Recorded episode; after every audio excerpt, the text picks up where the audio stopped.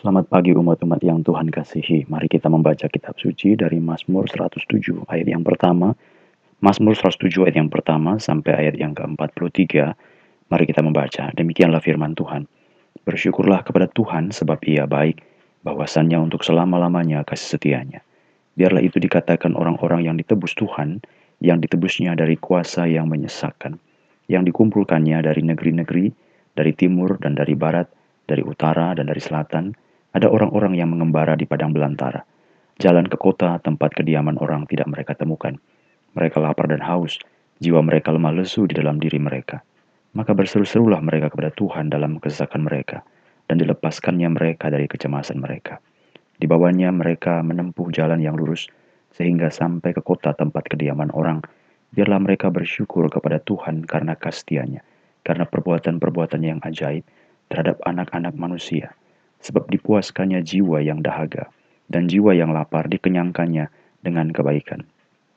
Ada orang-orang yang duduk di dalam gelap dan kelam, terkurung dalam sengsara dan besi, karena mereka memberontak terhadap perintah-perintah Allah dan menista nasihat yang maha tinggi, maka ditundukkannya hati mereka ke dalam kesusahan. Mereka tergelincir dan tidak ada yang menolong. Maka berseru-serulah mereka kepada Tuhan dalam kesesakan mereka, dan diselamatkannya lah mereka dari kecemasan mereka. Dibawanya mereka keluar dari dalam gelap dan kelam, dan diputuskannya belenggu-belenggu mereka. Biarlah mereka bersyukur kepada Tuhan karena kasih karena perbuatan-perbuatannya yang ajaib terhadap anak-anak manusia, sebab dipecahkannya pintu-pintu tembaga dan dihancurkannya palang-palang pintu besi. Ada orang-orang menjadi sakit oleh sebab kelakuan mereka yang berdosa, dan siksa oleh sebab kesalahan-kesalahan mereka. Mereka muak terhadap segala makanan, dan mereka sudah sampai pada pintu gerbang maut. Maka berseru-serulah mereka kepada Tuhan dalam kesakan mereka, dan diselamatkannya mereka dari kecemasan mereka. Disampaikannya firman-Nya, dan disembuhkannya mereka diluputkannya mereka dari liang kubur. Biarlah mereka bersyukur kepada Tuhan karena kasih karena perbuatan-perbuatannya yang ajaib terhadap anak-anak manusia. Biarlah mereka mempersembahkan korban syukur dan menceritakan pekerjaan-pekerjaannya dengan sorak-sorai. Ada orang-orang yang mengarungi laut dengan kapal-kapal yang melakukan perdagangan di lautan luas. Mereka melihat pekerjaan-pekerjaan Tuhan dan perbuatan-perbuatannya yang ajaib di tempat yang dalam. Ia berfirman, maka dibangkitkannya angin badai yang meninggikan gelombang-gelombangnya mereka naik sampai ke langit dan turun ke samudera raya. Jiwa mereka hancur karena celaka. Mereka pusing dan terhuyung-huyung seperti orang mabuk dan kehilangan akal. Maka berseru-serulah mereka kepada Tuhan dalam kesakan mereka, dan dikeluarkannya mereka dari kecemasan mereka. Dibuatnyalah badai itu diam, sehingga gelombang-gelombangnya tenang. Mereka bersuka cita sebab semuanya reda, dan dituntunnya mereka ke pelabuhan kesukaan mereka.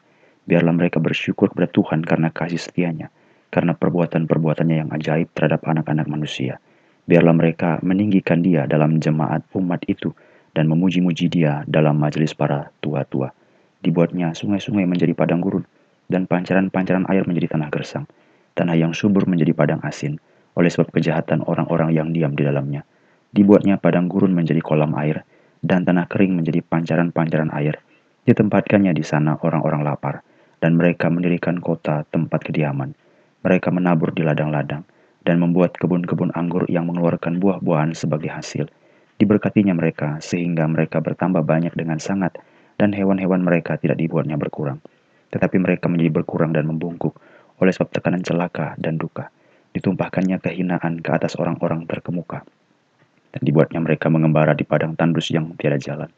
Tetapi orang miskin dibentenginya terhadap penindasan.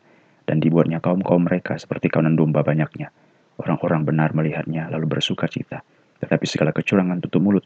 Siapa yang mempunyai hikmat, biarlah ia berpegang pada semuanya ini dan memperhatikan segala kemurahan Tuhan. Sampai di sini pembacaan kitab suci. Umat-umat yang Tuhan kasihi, pada waktu kita membicarakan Mazmur 107, kita akan melihat hal yang indah dari pekerjaan Allah di tengah-tengah dunia ini. Kekuasaan dan kedaulatan Allah atas segala sesuatu. Maka Mazmur ini dapat dibagi kepada dua kelompok. Yang pertama adalah bagaimana pekerjaan Allah terhadap orang-orang dan kemudian pada bagian yang kedua adalah bagaimana hikmat Allah terhadap orang-orang di tengah-tengah dunia ini. Jadi yang pertama adalah pekerjaan-pekerjaan Allah, yang kedua adalah bagaimana hikmat Allah dinyatakan. Dua hal ini saling melengkapi karena pekerjaan Allah itu dinyatakan berdasarkan hikmat. Jadi segala sesuatu kan ada rumusnya. Jadi kenapa pesawat bisa terbang di angkasa? Itu ada rumusnya. Kemudian kenapa air dari bawah itu bisa naik ke atas? Itu ada rumusnya. Bagaimana perbuatan Allah itu dikerjakan dari hikmat dan inilah yang dicatat dalam Mazmur 107. Sebagai orang percaya, mari kita melihat dua sisi ini. Jangan hanya melihat perbuatan-perbuatannya, jangan hanya melihat fenomena dan pekerjaan yang terjadi, tetapi coba lihat hikmat di balik perbuatan-perbuatan itu. Nah, perbuatan apa yang sedang terjadi? Pekerjaan perbuatan penebusan yang dikerjakan Allah. Dalam ayat yang pertama, bersyukurlah kepada Tuhan sebab ia baik, bahwasannya untuk selama-lamanya kasih setianya. Biarlah itu dikatakan orang-orang yang ditebus Tuhan. Jadi orang yang ditebus. Yang ditebusnya dari kuasa yang menyesakkan. Pekerjaan penebusannya dalam ayat yang pertama sampai ayat yang ke-32 ini bagiannya perbuatan-perbuatan Allah. Dan bagian yang kedua yang membicarakan hikmat Allah dapat kita baca dalam ayat 33 sampai ayat yang ke-43. Ini adalah hikmat Allah. Dalam ayat yang ke-42 dan 43 dikatakan sebagai pengunci, orang-orang benar melihatnya lalu bersuka cita. Siapa yang mempunyai hikmat, biarlah ia berpegang pada semuanya ini berpegang pada semuanya ini dan memperhatikan segala kemurahan Tuhan. Itu sebabnya saudara dikasih Tuhan, ada satu rumus, ada satu dalil yang akan menggerakkan segala perbuatan-perbuatan. Jadi sebagai orang percaya, mari mengalami perbuatan itu, tetapi pahamilah ada rumus, ada dalil, ada prinsip, ada hikmat Allah di balik semua perbuatan itu. Jadi sebagai orang Kristen, kadang-kadang kita ini hanya ingin melihat perbuatan-perbuatan Allah tanpa ingin mengetahui apa hikmat dan rencana, apa maksud dan pengenalan di balik ini semuanya. Sama seperti kita punya handphone, saudara-saudara. Handphone itu kan ada tampilannya, ada penggunaannya. Tetapi ada juga rumus kenapa bisa tampil seperti itu. Kenapa handphone itu bisa menampilkan suara gambar dari tempat yang jauh? Kan ada rumusnya. Kebanyakan kita, ah, yang penting aku pakai handphone itu cukup. Kita tidak mau tahu rumus di baliknya. Padahal Mazmur 107 menceritakan bahwa semua orang-orang benar, biarlah mereka yang hikmat memperhatikan, berpegang dan memperhatikan semuanya ini. Ini adalah perbuatan penebusan Allah dalam ayat yang keempat sampai ayat yang ke-32 ada empat tipe orang yang digambarkan dalam Mazmur ini. Dalam ayat 14 ada orang-orang yang mengembara di padang belantara. Mereka lapar dan haus ayat yang kelima. Lalu jiwa mereka lemah, lesu di dalam diri mereka. Ayat yang ke-10 ada orang yang duduk di dalam gelap dan kelam terkurung dalam sengsara dan besi, berarti mereka adalah orang-orang yang tertawan. Kemudian ayat yang ke-17, ada orang-orang yang menjadi sakit oleh sebab kelakuan mereka yang berdosa dan disiksa oleh kesalahan-kesalahan mereka.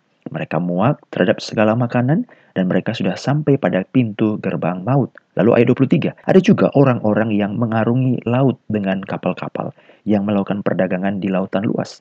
Mereka melihat pekerjaan-pekerjaan Tuhan dan perbuatan-perbuatannya yang ajaib di tempat yang dalam. Empat tipe orang perbuatan penebusan Allah mau dinyatakan kepada mereka. Mereka berada dalam kesulitan. Lalu apa yang mereka lakukan?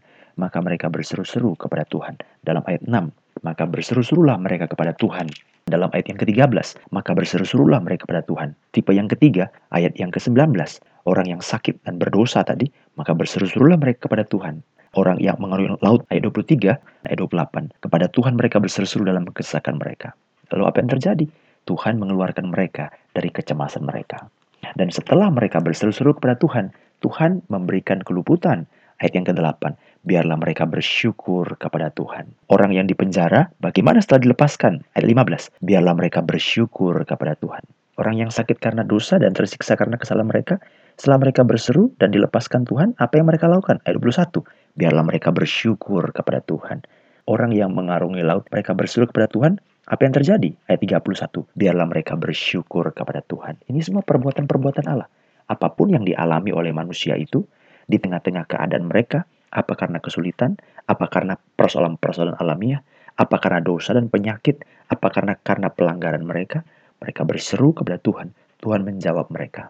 Bagaimana? maka bersyukurlah kepada Tuhan. Itu sebabnya dalam ayat 1 sampai ayat yang kedua dikatakan, bersyukurlah kepada Tuhan sebab ia baik. Bahwasannya untuk selama-lamanya kasih ayat yang kedua, biarlah itu dikatakan orang-orang yang ditebus Tuhan. mereka yang ditebus dari kuasa yang menyesakkan. Jadi apa pun yang kau alami, apa pun keadaanmu, ada kesusahan dalam begitu banyak hal, ada penderitaan dalam begitu banyak hal, tetapi pada waktu kita berseru-seru kepada Tuhan, Tuhan melepaskan kita. Lalu bagaimana? Alkitab berkata, berseru, bersyukurlah kepada Tuhan. Biarlah itu dikatakan orang yang ditebus Tuhan. Tuhan selalu ingin menebus orang-orang. Tuhan selalu pasti menyelamatkan orang-orang. Tuhan tidak pernah merendahkan segala seruan, segala doa di hadapan Allah. Itu sebabnya firman Tuhan berkata, jika ada orang yang bersuka cita, baiklah ia bernyanyi. Jika ada orang yang menderita, baiklah ia berdoa.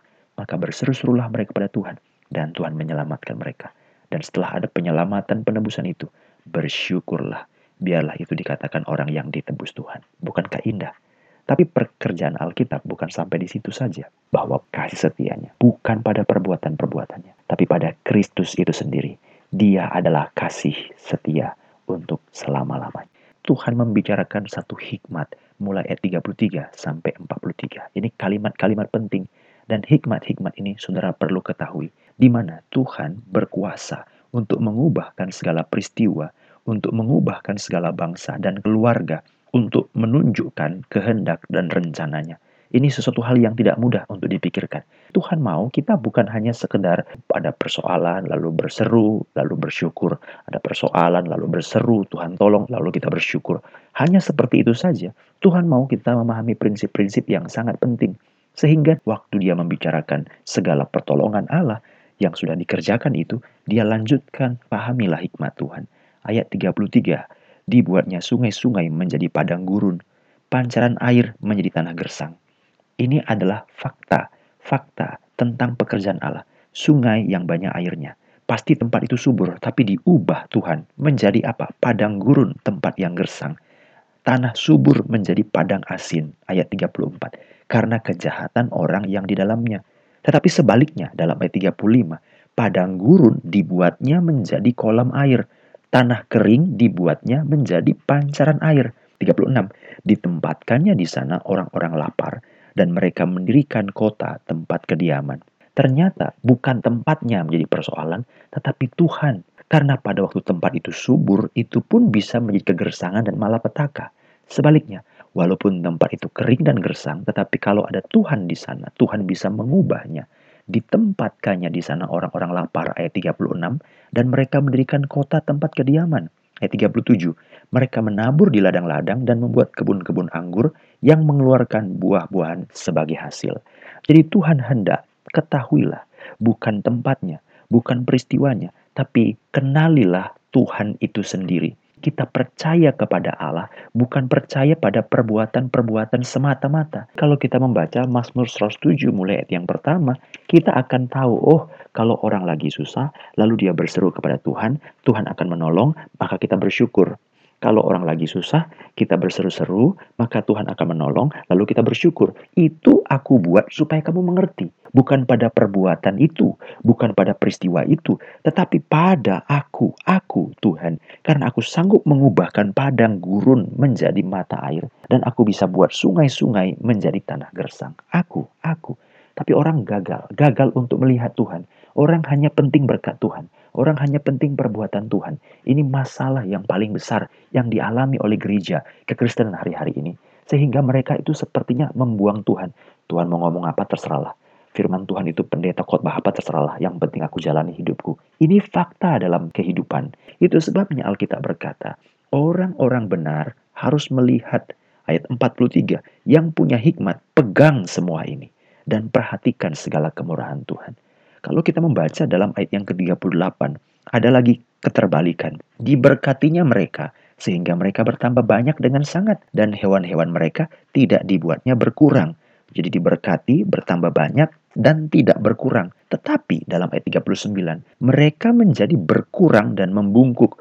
Loh, tadi bukannya diberkati dan berkat itu datang dari Tuhan. Iya, tidak berkurang, benar. Tapi kenapa dalam ayat 38 Tuhan yang memberkati dan tidak berkurang, ayat 39 akhirnya berkurang. Bukankah itu adalah berkat Tuhan? Kenapa? Inilah orang-orang yang harus memahami bahwa yang penting bukan pekerjaan-pekerjaan dan perbuatan-perbuatan, tetapi yang penting adalah Allah itu sendiri. Itu sebabnya 43 mempunyai hikmat, peganglah dalil ini, peganglah rumus ini, ketahuilah cara ini. Tuhan bisa buat berbagai cara. Ada orang bisa dibuat lebih kaya. Ada orang dari miskin bisa dibuat jadi kaya. Dari kaya bisa dibuat miskin. Ada orang yang tidak tahu apa-apa tapi bisa berhasil.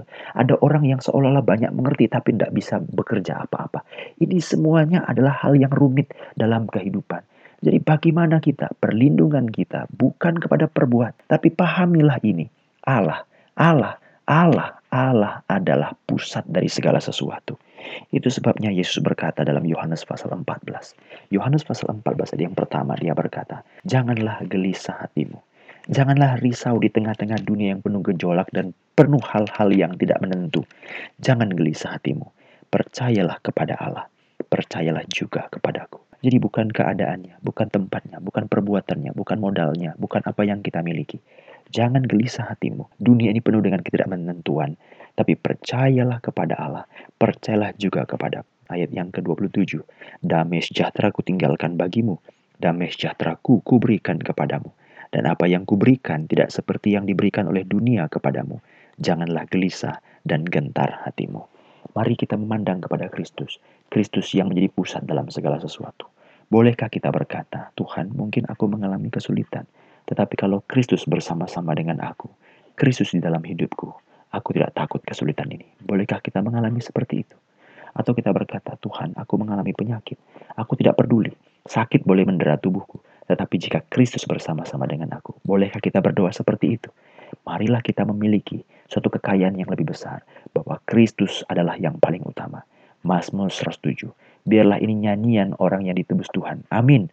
Bersyukurlah bahwa ia selama-lamanya kasih setianya. Pahami bahwa kasih setianya bukan pada perbuatan-perbuatannya, tapi pada Kristus itu sendiri. Dia adalah kasih setia untuk selama-lamanya. Kiranya Tuhan menolong kita. Mari kita berdoa.